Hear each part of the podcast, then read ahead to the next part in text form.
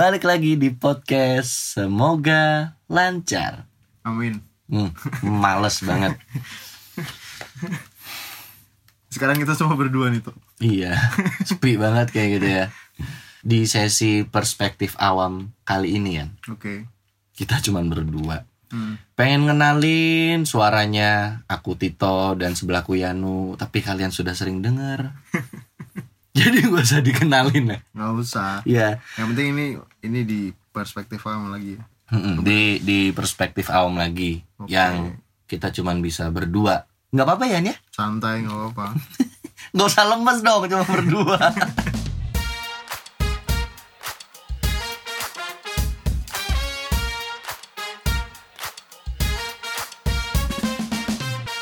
setauku nih Gimana? Kamu tuh kerja pernah jadi eh, orang produksi di clothing. Iya benar. ya nggak? Ah, pernah juga jadi juru masak. Iya benar. ya kan? Tukang masak. tukang masak. Hmm. dan sekarang kerjamu ngapain sih sebenarnya? Kalau kesibukanmu apa gitu loh sekarang? Kalau kerjaan ya tadi tuh bener beberapa bagian tadi bener apa? Sebelumnya di produksi di clothing line. Mm-mm. itu tahun 2000 sekitar tahun 2013 nah 2013 terus masak itu di 2014 sampai 2016 itu 16 masak eh. itu masak. Terus waktu itu masih ngeband juga itu dari 2008 sekitar 2008 2009 sampai aktif itu 2017 itu aktif ngeband lumayan. Setelah itu tadi ini sih sempat concern juga di documentary filmmaking. Jadi bikin film dokumenter. Oh tukang bikin video dokumenter. Ya tukang bikin video dokumenter. Video dokumenter ya film dokumenter itu. Pernah terus kalau sekarang ini sih. Ya karyawan karyawan swasta yang baik aja lah. Karyawan swasta yang baik. Bagus juga pencitraan orang ini Enggak sih Gak, gak, gak, gak, gak. Yan ya. eh, aku nggak pengen bahas banyak soal masak ya. Oke. Nggak pengen bahas soal clothing juga gitu Ah. kan. Kalau masak ntar aja abis, abis ini kita kelar tak masakin deh. boleh boleh. Indomie ya? Jangan dong. kurang. Yan. Ya gimana? dulunya kamu seorang rockstar ya kan pernah ngeband rockstar dong rockstar dong pernah Rocker ngeband. kambuhan dulu. rocker apa Rocker kambuhan. kadang manggung, kadang manggung, kadang enggak tau soalnya tuh. rocker angin anginan Iya.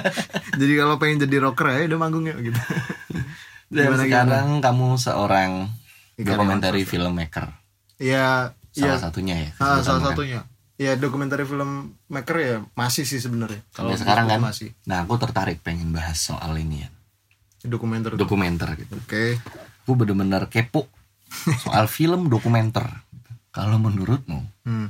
film dokumenter itu apa sih Jadi film dokumenter ya. Film Iya. dokumenter itu prosesnya sama lah semua film vi- vi- video atau apa pun. Pada proses teknisnya sebenarnya mirip atau bahkan bisa dibilang sama.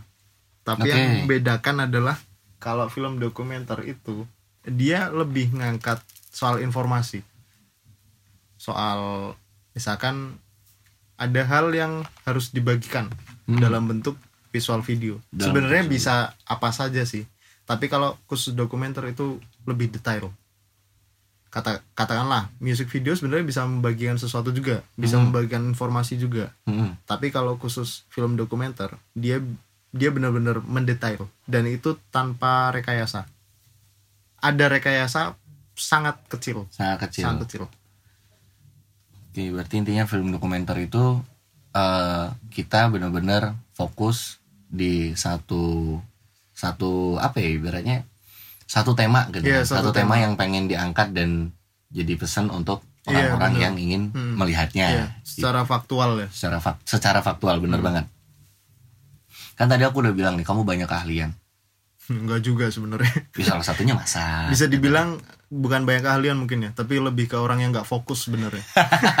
Soalnya pindah-pindah pindah-pindah. bisa dibilang juga orang yang serdadu Iya, ser apa itu? serba jadi duit gue temenin kalau itu mah serba jadi duit itu tadi kamu bisa masak Iya, gitu kan bisa. kamu kenal juga dunia clothing Iya benar. ya sudah pernah menjadi rockstar di zamannya juga gitu ya Di era dulu. di era itu dan akhirnya menjadi seorang dokumenter filmmaker Iya. nah dokumenter filmmaker atau atau eh, simpelnya Film jadi seorang dokumenter, film dokumenter Pembuat gitu film kan. dokumenter. pembuat film Ah. dokumenter emang sudah terlintas dari zaman sekolah atau enggak tuh Enggak. Enggak terlintas ada. bahasanya anjing Terlintas sak gitu. Sat, gitu doang Enggak sih kalau kalau terlintas ya terlintas juga deh. kalau emang kalau emang dicita dicita-citakan mungkin ya. ya bisa dibilang seperti itu Kalau dicita-citakan sebenarnya enggak sih. Dari kecil enggak ada enggak ada ketertarikan di apa ya? Itu disebutnya apa bidang visual gitu, visual audio gitu ya. ya Enggak enggak ada sih. Kalau visualnya cuma visual gitu mungkin dulu karena SD suka gambar tapi kayaknya nggak nggak ada kaitannya ke arah film dokumenter.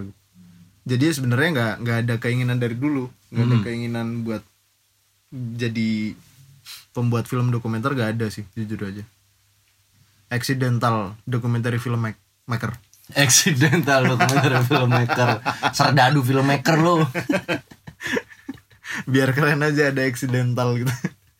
Nah kan kamu kamu sudah bilang kamu seorang accidental video filmmaker gitu kan. Iya, dokumenter video- ya dokumenter filmmaker gitu.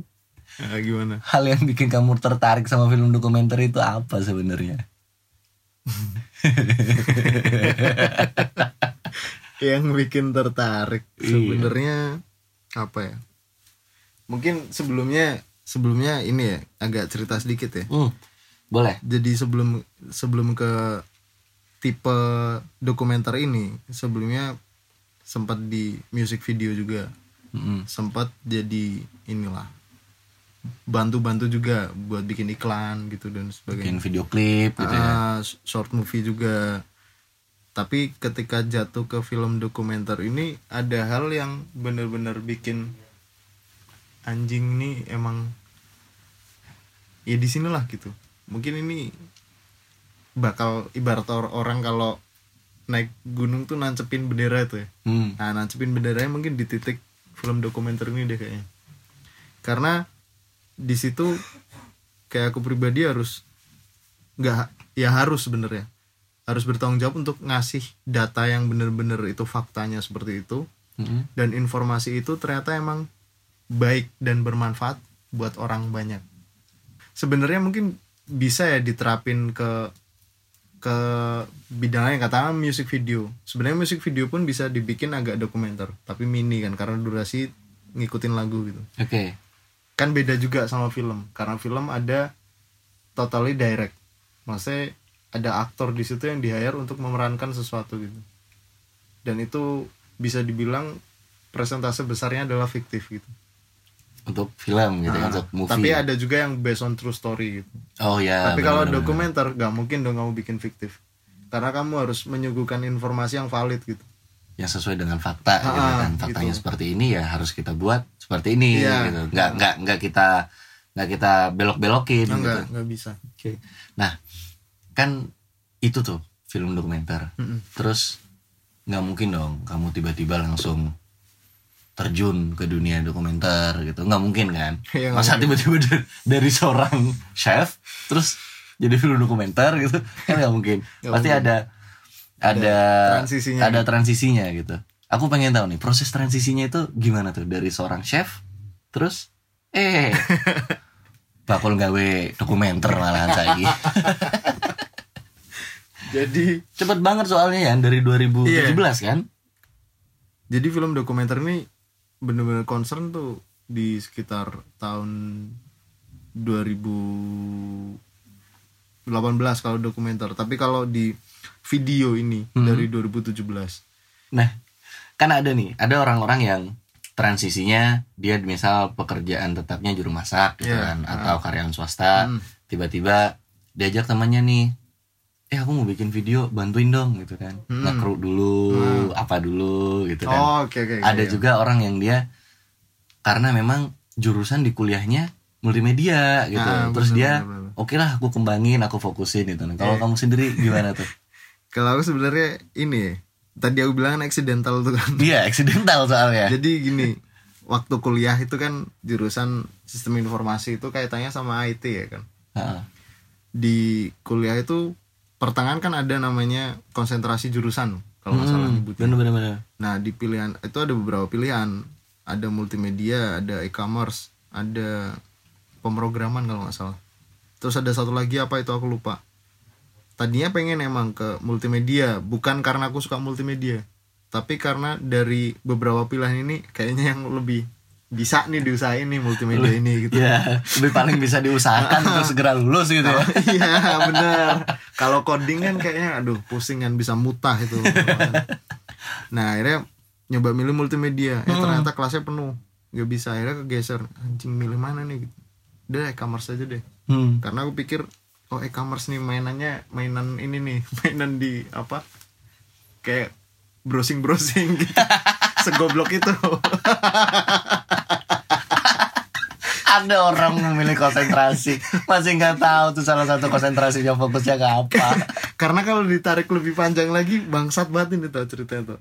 Jadi nih ya kita pause dulu ya sampai ke fase konsentrasi jurusannya. Mhm. Jauh sebelum masuk ke pilihan jurusan ini, sebenarnya milih kampus di kampus ini pun kesalahan juga. Karena tadi aku baru datang dari Semarang, pindah ke Jogja, nanyain kampus mana nih yang bisa lulus cepet nih gitu. Nah kamu pengen bidang apa gitu? Komunikasi gitu. Oke gitu. Nah, ada temen nyebut salah satu kampus namanya eh, kom gitu belakangnya kan. Ada komnya pokoknya Oh, iya. terus oke kom komunikasi nih berarti nih. Ada komnya. Iya, daftar deh di situ. Ternyata waktu daftar udah masuk semester 1 ini komunikasinya di mana gitu. Hmm. bahasnya udah mulai kayak komputer tuh dilepas-lepas ini perangkatnya namanya apa gitu. Iya. oke mungkin masih semester 1 ini masih pengenalan perangkat mungkin. Iya Ada benar. kira-kira. basic lah ya Iya, gitu sampai kan. semester 3 nanya teman juga di kelas. Ini komunikasinya kapan nih? Kayaknya daftarnya komunikasi. Gak ada mas nih gak ada komunikasinya gitu. Anjing salah. Lu nanya ke siapa itu? Teman kelas. Jadi ternyata dari semester 1, 2, 3 aku nih masih nggak ngerti nih jurusan yang aku kuliah ini apa gitu. Orang yang mau masuk kuliah nggak riset itu kampus apaan? Jurusnya jurusannya apa? Nah, ya Allah. Ba- balik ke tadi konsentrasi jurusan tuh Iya. karena udah terlanjur ini ya udah terlanjur anjing salah kayaknya salah kuliah lagi nih kedua kalinya. Salah kuliah lagi nih. Salah kuliah lagi nih oke. Baik tadi pilihan tuh jurusan tuh multimedia penuh kan ya bangsat e-commerce lah tadi. Karena aku pikir juga oh, e-commerce mungkin ini ya jual beli online. Hmm. sebodoh itu aku mikir e-commerce itu kita punya produk apa Mm-mm. terus dijual secara online. Ya se se- segoblok sesimpel itu, Sesimpel pikiranmu deh. gitu kan? Oke ambil ini. Ternyata disuruhnya bikin web. Web design dan sebagainya Iya. gitu. Anjing apa lagi gitu. Nggak bisa kan. Itu masih berhadapan coding iya nggak sih? Ada coding nggak sih? itu ada tapi sedikit. Soalnya Sedikit bisa template toh. Oh jadi kalau kita browsing tuh ternyata ada template-template buat web gitu. Untuk web Ah. ya terus? Nah, sampai akhirnya di fase skripsi.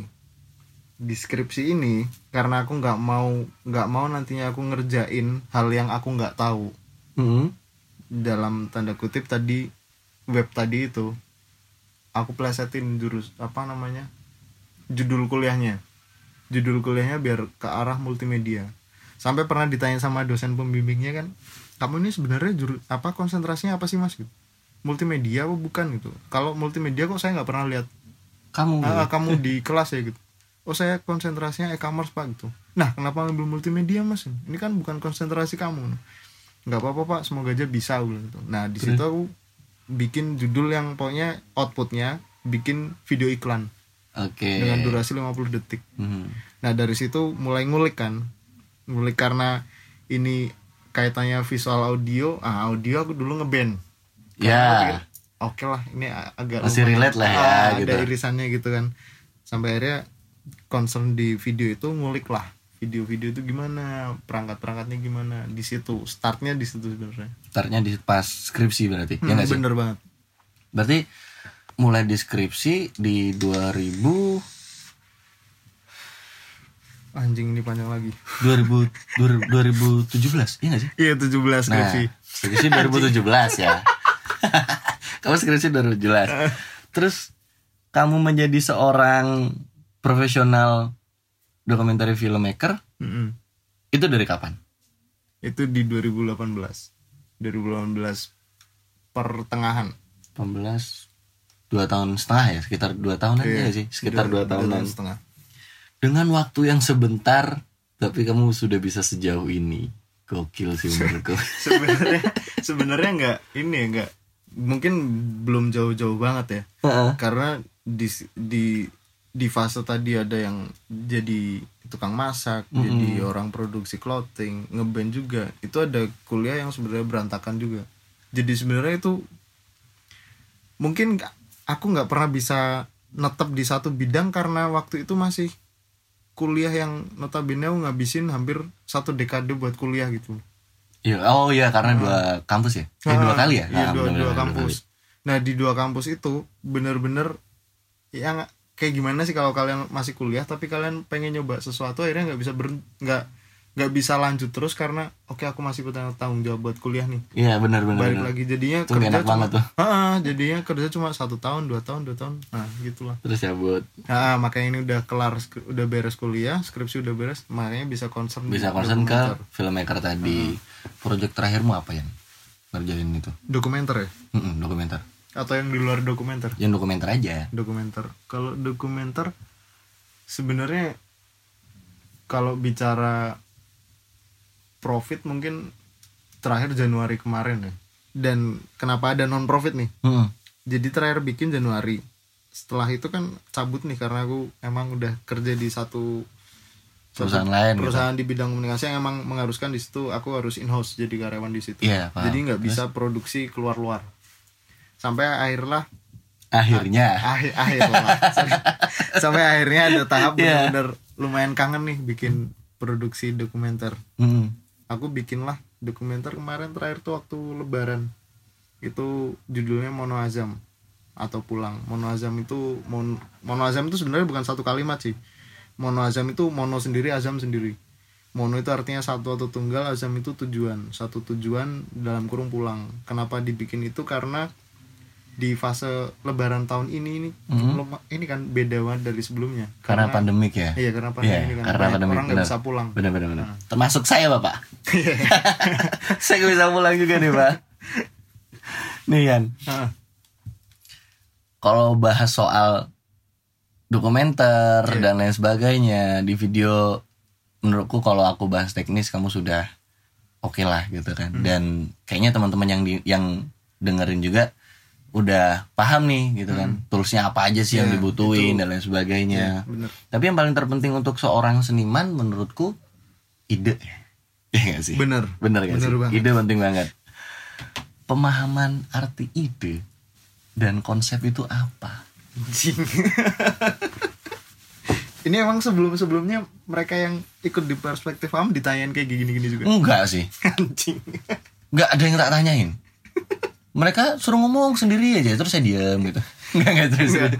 sedetail ini kah maksudnya kalian kalau bikin pertanyaan gitu? Emang gini soalnya kan ini beda nih sama reguler. Tergantung mood saya aja sebenarnya. Anjing. Enggak enggak enggak, enggak.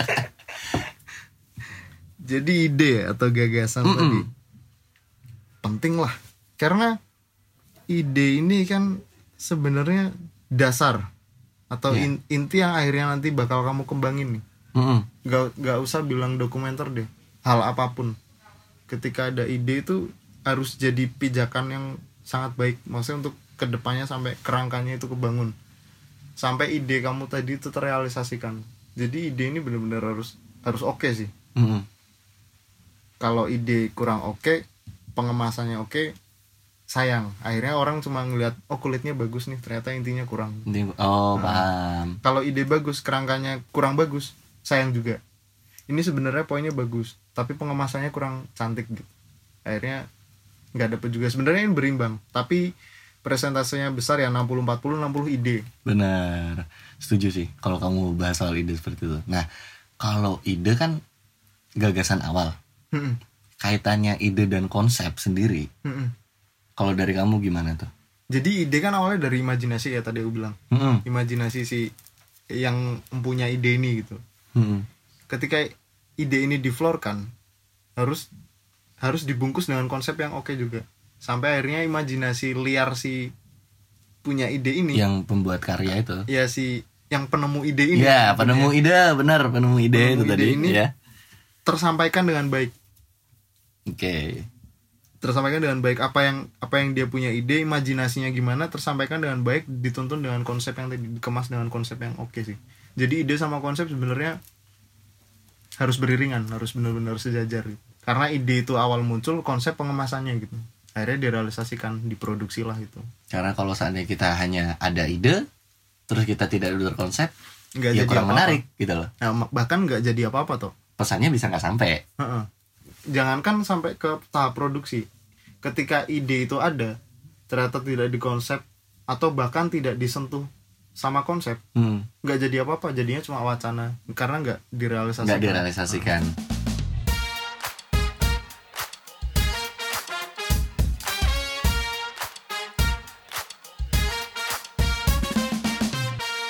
Nah, kalau di musik kan ada ada genre jazz, rock gitu kan, dangdut misalnya. Di dokumenter sendiri ada nggak sih genre-genre gitu? Sebenarnya gini ya eh, aku pribadi ini bukan bukan orang yang benar-benar pro bukan secara akad- akademis dasarnya dari filmmaker atau orang yang emang sekolah di sekolah di apa namanya Dunia dunia perfilman perfilman, ha. tadi makanya aku bilang accidental kan Accidental.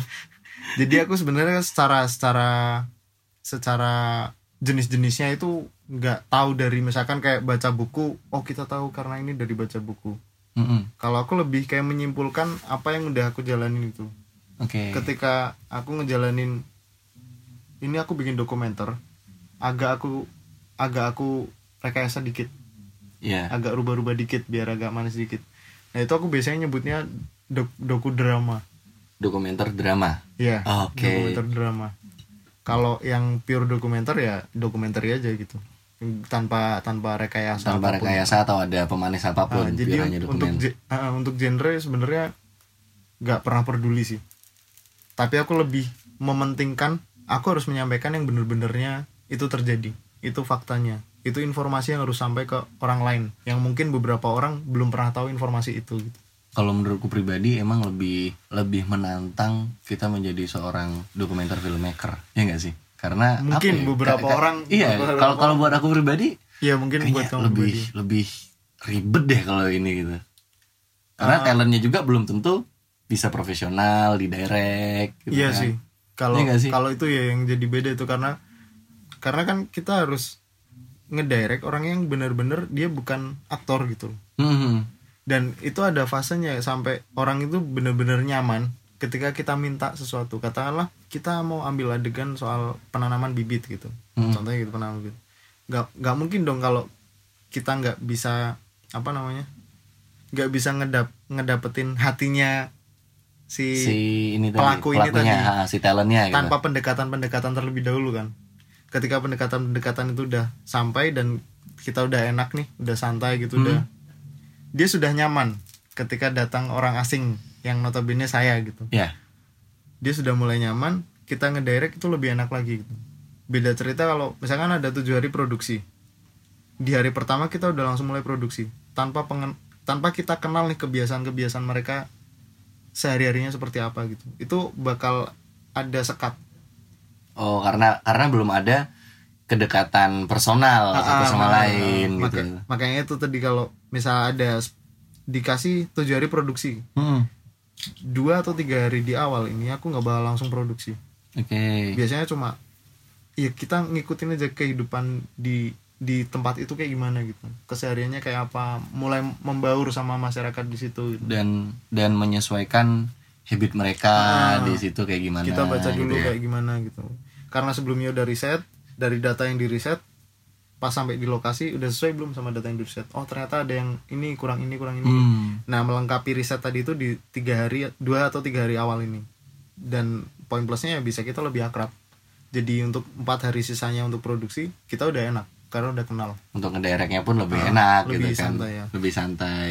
Hmm. kalau kamu sendiri inspiratormu siapa selama ini kan kalau di dokumenter aku sebenarnya orang yang nggak begitu bukan nggak begitu suka tapi jarang. Jarang nonton film sebenarnya. Mungkin buat beberapa orang agak aneh ya. ini orang concern di dokumenter. Ya tetap filming ya. Mm. tapi dia jarang nonton film. Mungkin agak aneh gitu. A- aku bukan orang yang betah berjam-jam harus nonton film terus nikmatin itu. Enggak juga.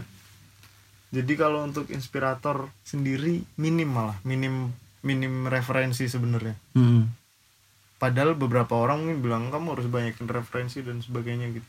Eh, nggak ngerti kalau kenapa di track yang aku jalan ini nggak nggak kayak orang pada umumnya gitu. Katakanlah gini aku suka nonton film ya. Ya. Aku suka nonton film kalau yang main Robert De Niro. Oke. Itu pasti tak tonton. Mm-mm. tapi kalau di luar itu kadang cuma oh ada film baru oh ya udah. Tapi nggak nonton gitu. Gampangnya lagi ada ada sedikit ya entah fun fact atau bukan ya apa tuh? Aku orang yang datang ke bioskop seumur hidup itu baru tiga kali. Dan itu cuma sama cewek doang? Enggak. Enggak? Pertama sama keluarga kedua sama teman ketiga sama teman. Pacaran malah nggak pernah nonton ke bioskop. Dan aku masih ingat karena cuma tiga ya.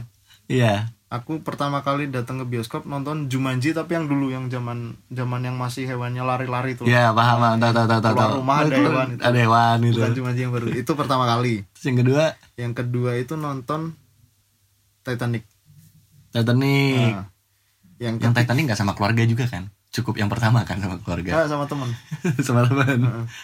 yang ketiga ini karena si ah ada director yang lumayan aku suka sih sebenarnya. Up- Upi. Upi dia itu yang bikin realita cinta dan rock and roll tuh. Nah aku nonton yang My Generation.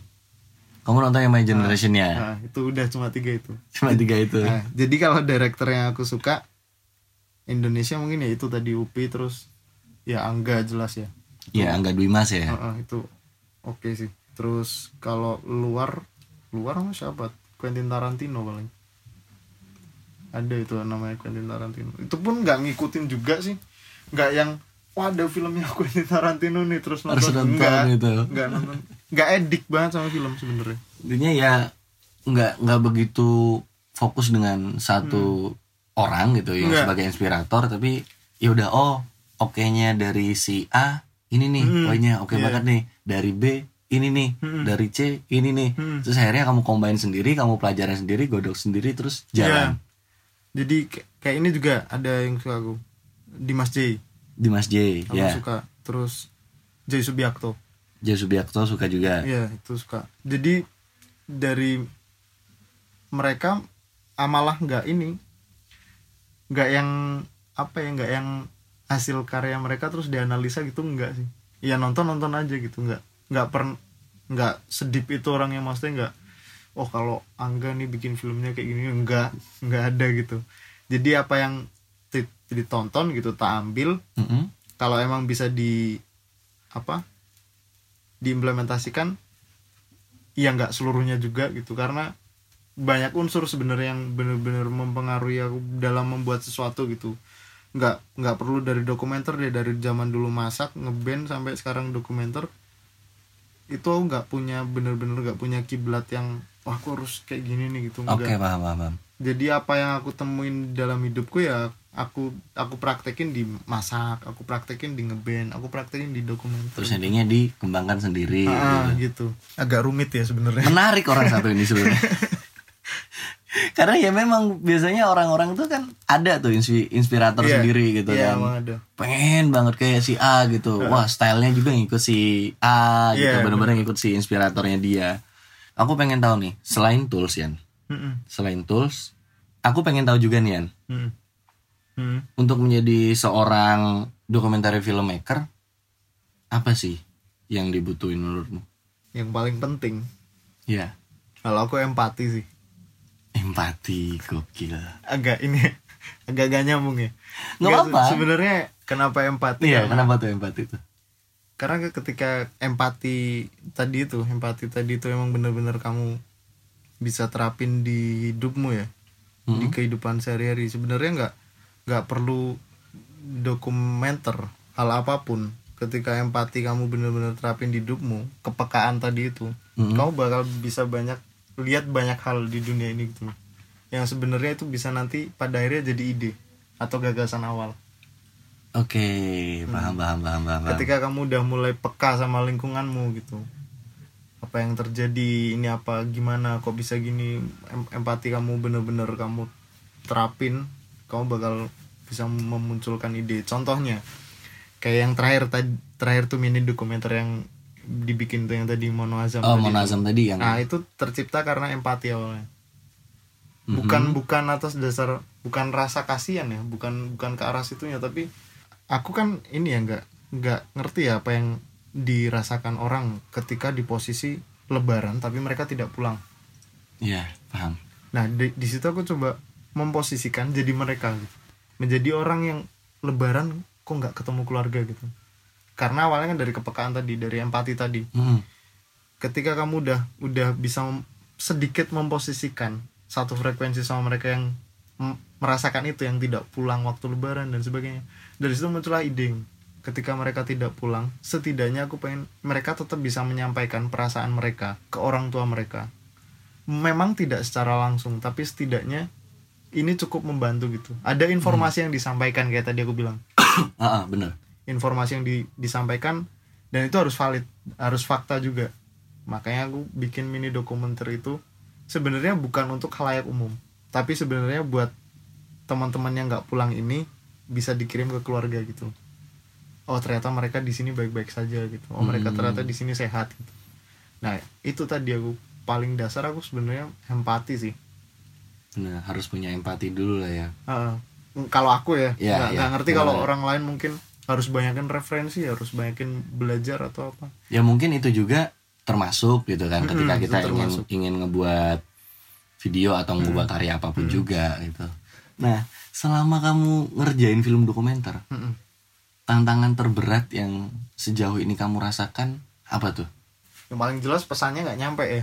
Saya nggak nyampe? Nah itu yang yang karena intinya itu gitu. Aku, bikin ini karena aku pengen nyampein sesuatu gitu. Mm-mm. ketika informasi yang aku coba sampaikan dengan media visual tadi itu nggak nyampe itu ada perasaan ah kok nggak nyampe sih gitu kok kurang sih gitu berarti mungkin aku kurang konsepnya kurang gimana gitu atau proses produksinya aku kurang memaksimalkan lebih lagi gitu mungkin itu sih yang lebih aku takutin sebenarnya ketika pesannya tidak pesan itu sampai nggak sampai berarti tantangan terbesarnya adalah ketika kamu sudah ngebuat film dokumenter Hmm. dan kamu sudah ingin menyampaikan sebuah pesan dari film itu Mm-mm.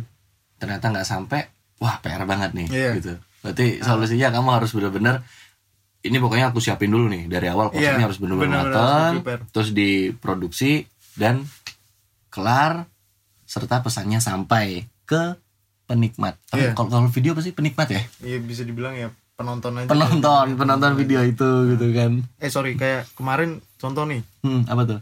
Pernah itu ada mono, yang mono azam tadi yang terakhir tuh. Ha-ha. itu bener-bener ini sih kalau bilang itu ngawur sih ngawur dalam artian itu cuma tiga hari. Tiga Iya. hari pembuatan dan Hmm. jadi pra produksi itu cuma satu hari. Produksi itu dua hari. Jadi ide ini ketemu di Hamin dua sebelum Lebaran. Hmm. itu ide baru ketemu tuh. Aku florin malam itu juga. Terus Hamin satu sama hari hanya itu produksi. Kita ngambil gambar.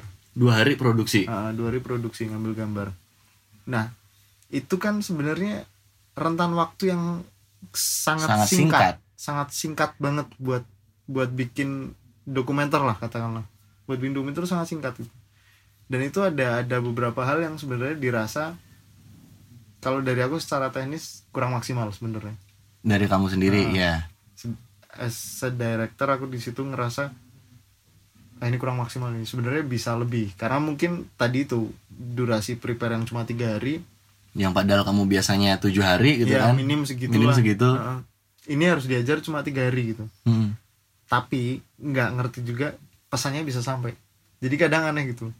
Secara kemasan sebenarnya kayak aku ngerasa kurang maksimal. Kurang puas dari kamu sendiri gitu. mm, tapi ternyata pesannya nyampe gitu. Jadi ada ada rasa rasa anjing ini kurang dikit tapi kok nyampe gitu loh pesannya Iya bener bener bener. kadang juga ada yang ini di prepare sedemikian rupa gitu Dan eh ternyata pesannya nggak nyampe gitu anjing gitu tapi nggak nggak melulu pesan nyampe nggak nyampe dan prepare mateng nggak mateng juga sih Yan. nah, gimana Sebenarnya tergantung menurutku juga ya tergantung dari apa sih temanya gitu loh. Apa sih yang bakal kita angkat gitu. ya, ya itu Iya nggak sih? penting juga. Termasuk termasuk ber- berpengaruh juga nggak sih? kalau iya kalau dibilang kita mau lihat kalau kita mau lihat pangsa pasar gitu ya Mm-mm. nilai pasar kalau mau ngobrol pangsa pasar kan Audiens Paling- lah, iya, audiens lah, audiens. lah. paling gampang kan kita harus ngangkat sesuatu yang emang relate sama mereka gitu Hmm. jangan yang mereka kurang relate karena kalau kita ngangkat tema yang kurang relate sama audiens itu mereka bakal butuh waktu untuk mencerna Oke, paham. maksudnya gimana sih oh ini gimana sih Hmm. Oh ternyata aku ngalamin ini jadi nggak ada ikatan emosional di situ ya kayak yang kemarin tuh lebaran nggak pulang dengan produksi yang singkat kenapa bisa pesannya nyampe karena itu relate Oh, pas lebaran gitu Ah. kan, pas orang-orang banyak yang gak mudik Ya. juga gitu. itu pasti relate gitu loh Hmm. gitulah Bahas konsep udah, bahas ide udah ya. Kayak ngobrol banyak ya ngobrol banyak ya sebenarnya banyak sih yang pengen di pengen pengen aku kepoin lagi gitu Ah. Tadi kan bahas konsep udah ide udah gitu. Kalau kita bahas konsep dan ide sama visual seperti apa Hmm. pasti ada dong kayak apa ya bisa dibilang kayak ini autentik nih gitu. Atau atau ini ap- sebutannya agak sulit sih tapi intinya sinematik misalnya gitu kan. Nah yang aku masih bingung sinematik gitu loh. Sinematik itu gimana? Sinematik menurutmu tuh gimana gitu loh? Aku pengen tahu nih sinematik itu apa sih sebenarnya? Sinematik tuh tai.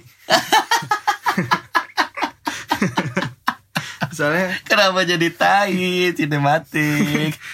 nggak ngerti ya. Aku nih orang yang apa ya bisa dibilang nggak pernah terlintas bikin dokumenter. Mm-mm. Katakanlah waktu kita ngebrief ini ya konsep ya Iya, ini kita harus bikin sinematik nggak pernah ada kalimat itu gitu nggak nggak pernah pernah terlontar Nggak kalimat pernah. itu dari mulut Karena- Yanu. karena aku- sendiri aku nggak nggak ngerti nih sinematik yang yang mungkin orang dulu Bicarakan ah, gitu kan. mencetuskan ada kata sinematik itu terus sama orang-orang sekarang yang bilang itu sinematik itu gimana itu nggak aku udah itu udah tak tinggal di belakang gitu loh Hmm, paham, paham. yang penting aku bikin yang kayak tadi aku bilang informasi nyampe Mm-mm. kemasannya Kemasannya menarik menarik. dan kalau emang mau di titik audiens tertentu itu harus relate Karena karena aku tanya ini nih, aku sering nih dengar dengar orang gitu kan, Mas tolong bikinin video yang gini dong, yang sinematik gitu, gitu kan atau itu itu sinematik banget cuy gitu. "Ah, Apa apa sih sinematik gitu loh? ya pokoknya sinematik itu nggak sesederhana kamu nempelin sinema bar hitam tuh kalau kamu lihat ada video it, ada. Bukan se Sesim, nggak sesimpel itu juga nggak gitu. loh. sesederhana. Oh ini video sinematik karena ada sinema barnya. Matamu. Accidental video ini suka ngegas rupanya. Karena nggak ngerti ya. Terus apa gitu ketika kamu pesan yang pesan yang disampaikan tuh nggak nyampe cuma ngandelin ada cinema bar terus grading yang so wah gimana caranya film look nih? Ya tai gitu. Pesannya di mana? Nggak butuh kemasannya gitu pada akhirnya. Bener, bener, kemasan emang bagus. Ketika untuk menunjang iya pesan. pesan di intinya itu. Heeh. itu kemasan bagus untuk ngangkat intinya tadi itu. Kalau intinya nggak ada kemasannya dipolin buat apa juga? Orang beli kucing dalam karung gitu maksudnya. Mm. Wow. Hilang. Nggak Wow. ada gitu pesannya ternyata. Wow sinematik sekali gitu.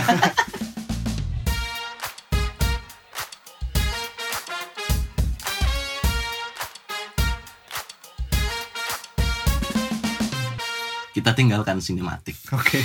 Udah ya lupain aja ya. Kita lupain sinematik. Juga muak gitu terserah orang persepsinya masing-masing Ah. tentang sinematik. Intinya kan seperti itu.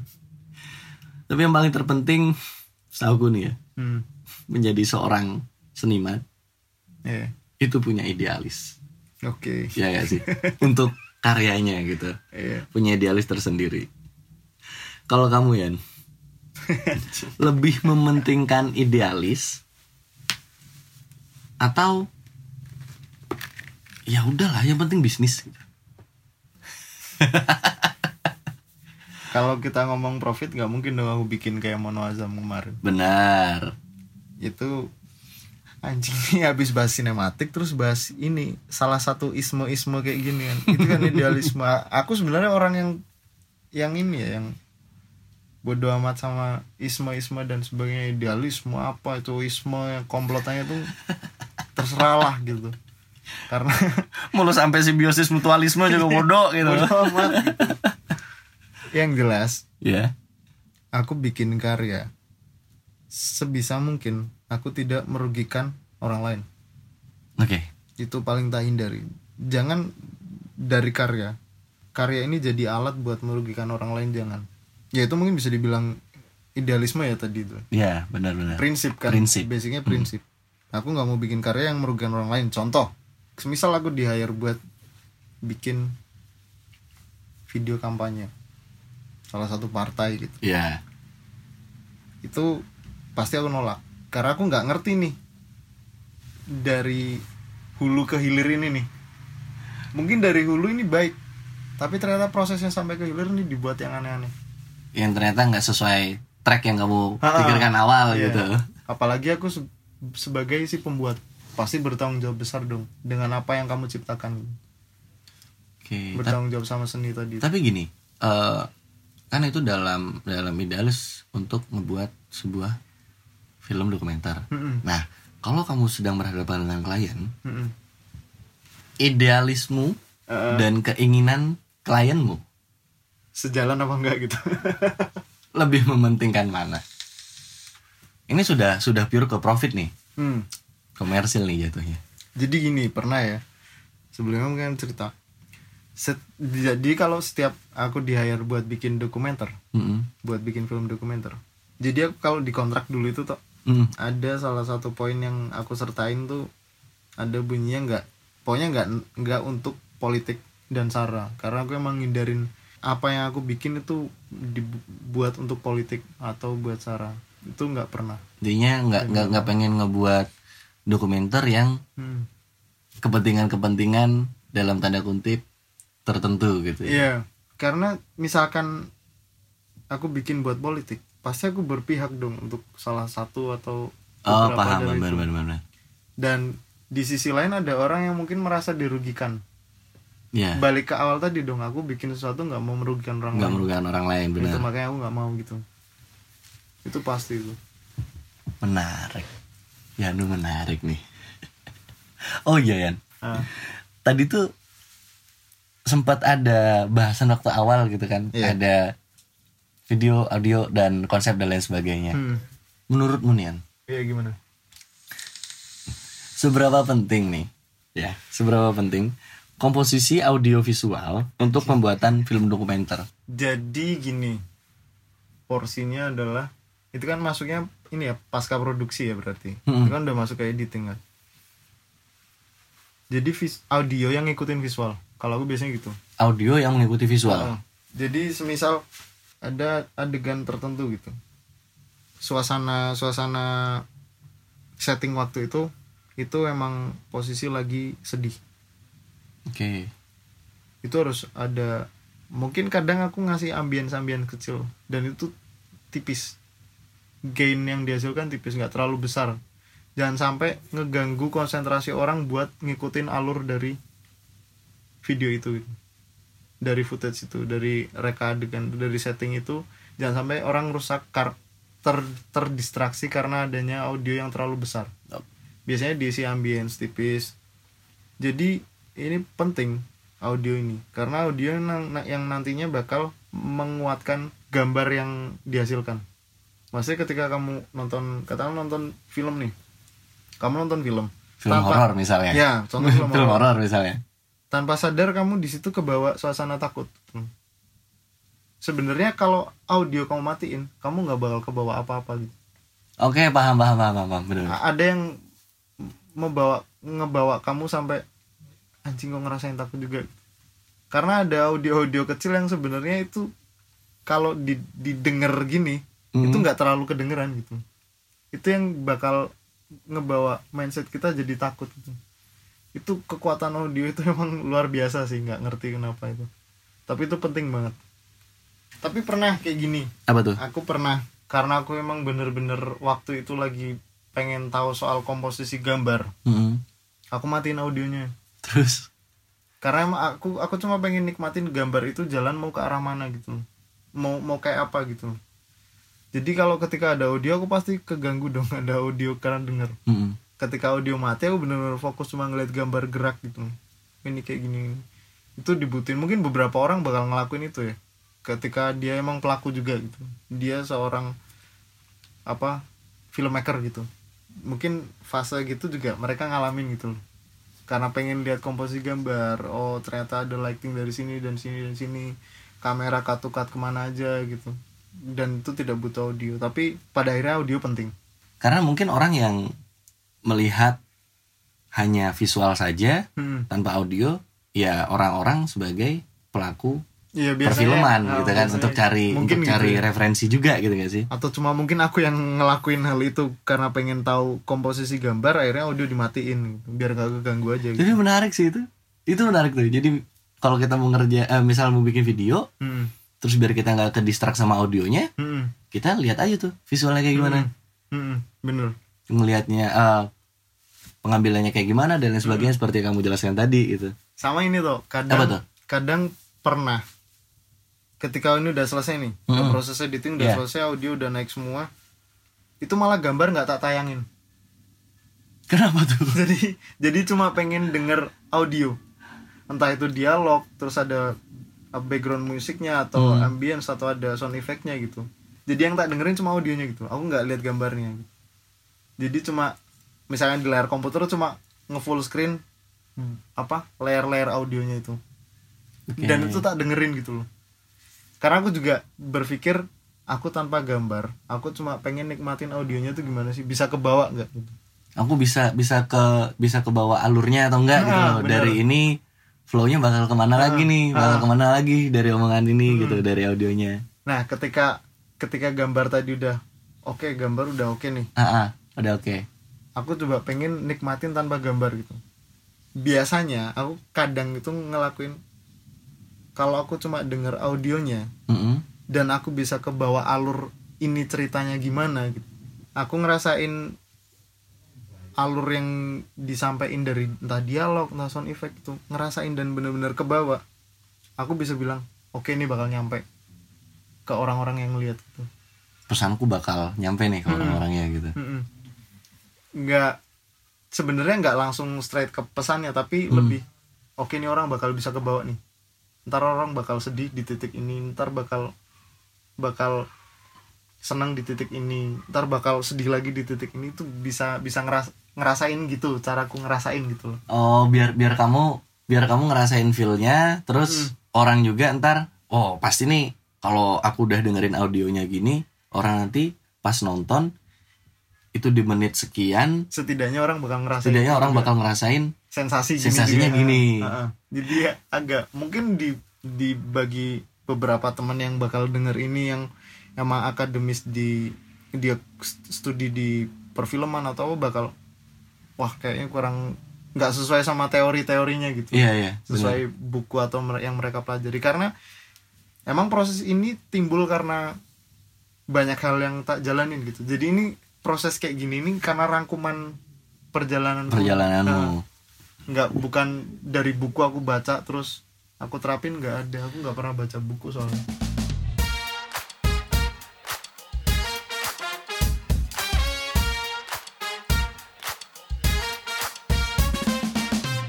Thank you Yan buat kesempatan ini Yan udah nih. Ini ini menarik gitu loh. Maksudnya ba- bahasan ini saya bisa serius. Saya nggak saya nggak bercanda iya gitu. kita nggak bercanda ya. Saya benar dengerin gitu kan. Oke menarik gitu. Dan hal-hal yang kamu bicarakan dan aku juga nanyanya nggak terlalu melulu soal teknis gitu loh. Iya. jadi biar orang-orang di luar yang dengerin bisa oh gini. Oh Iya. gini tuh oh gini tuh gitu. Nah ini sebenarnya ini juga suka sebenarnya ketika kita nggak bahas teknis. Karena aku orang yang apa ya bukannya pelein teknis tapi nggak juga mendewakan teknis gitu Iya, benar-benar. karena teknis ini kan cuma alat gitu alat yang bakal bantu kamu buat menyampaikan gagasan sama ide kamu. Dalam hal apa pun nggak cuma dokumenter mungkin musik gitu gitar ini cuma alat gitu baliknya ke ide sama konsep lirik atau nada yang kamu bikin gitu. Ini cuma alat jangan terpaku wah aku nggak bisa bikin bagus karena Alatnya perangkat gini yang nih gitu. jelek. Aku cuma pakai ini nih, aku cuma pakai ini nih gitu. nggak ada itu Setuju sih. karena dulu aku awal belajar video emang dari HP Dari handphone awalnya. Iya. itu mungkin belum dibahas dari tadi itu awalnya bikin dari HP emang tuh Dari HP terus iseng nyoba-nyoba Hmm. nyoba-nyoba akhirnya pindahlah ke device yang iya yang- benar-benar untuk bikin video Nah, yang kebutuhannya emang harus profesional profesional benar. Ada satu pertanyaan terakhir ya. Apa pesan-pesan nih Enggak, biasanya kan ada pesan-pesan buat saya nggak nanya pesan-pesan, nggak nanya pesan-kesan dan lain sebagainya. apa tuh Apakah kamu sudah cukup senang hmm? dan menurutmu sudah cukup sesuai Hmm? dengan passionmu dan pekerjaanmu saat ini? pekerjaan di kantor maksudnya Iya, pekerjaan di kantor dong. Yang sebagai kamu seorang karyawan swasta.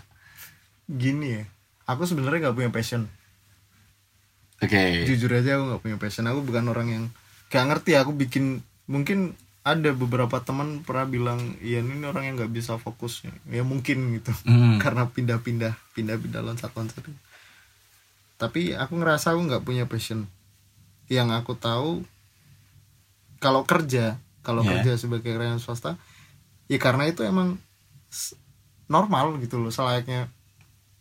Ya kamu hidup di, di dunia ini ya emang bertahan hidup salah satunya dengan makan dan sebagainya. Kamu harus melindungi dirimu dengan Hmm.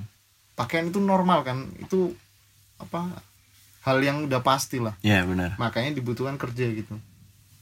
Kerja untuk mencukupi kehidupan kita gitu. Jadi kalau aku bilang passion aku nggak punya passion gitu.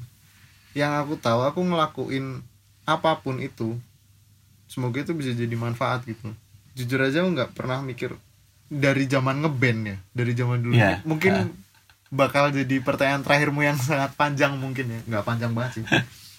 Jadi zaman ngeband Iya. aku nggak pernah mikir bikin lagu yang orang harus suka kayak gimana gitu. Orang kayak gimana. Yang penting aku nyampein apa yang bener-bener pengen aku sampein gitu. Bikin dokumenter aku nyampein apa yang bener-bener aku pengen sampein gitu Mm-mm.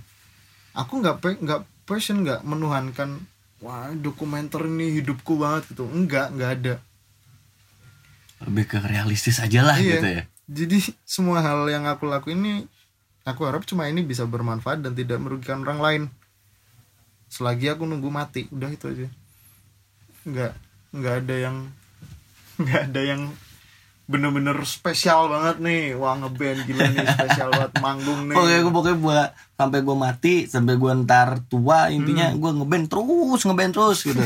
nggak nggak gitu gue dokumenter pokoknya gue harus dokumenter terus gitu. Wah Aduh. ceritanya dokumenter ini nggak ada Di kerjaan pun ya jujur aja di kerjaan Ah. Di kerjaan aku malah nggak pernah bahas soal dokumen Aku bikin dokumenter atau apa nggak pernah Oh ya intinya kamu di pekerjaanmu sesuai dengan porsimu Iya. di situ mau ngapain gitu. Aku kerja di situ aku harus jadi editor video Oke aku kerjain Aku kerjain. aja Apa yang apa yang diminta aku kerjain gitu Udah gitu aja nggak nggak muluk-muluk Aku bukan orang yang filosofis banget Orang bukan yang isma-isma tadi Ah.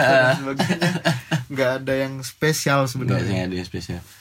Yan, Oi, ada pertanyaan tambahan? Tahu nggak sih? Bangsat. menurutku Ah, eh, di perspektif alam kali ini ah. ini yang paling lama Oh iya, durasinya gitu kan. berapa lama emang nih? Ternyata udah udah lama Berapa gitu. lama? Udah lebih dari 40 menit lah intinya. Ya ntar dikat aja biar jadi 20 menit. Jangan dong. Biar semuanya dengerin gitu. Thank you banget Yan udah Ya. udah mau mau ku kerjain.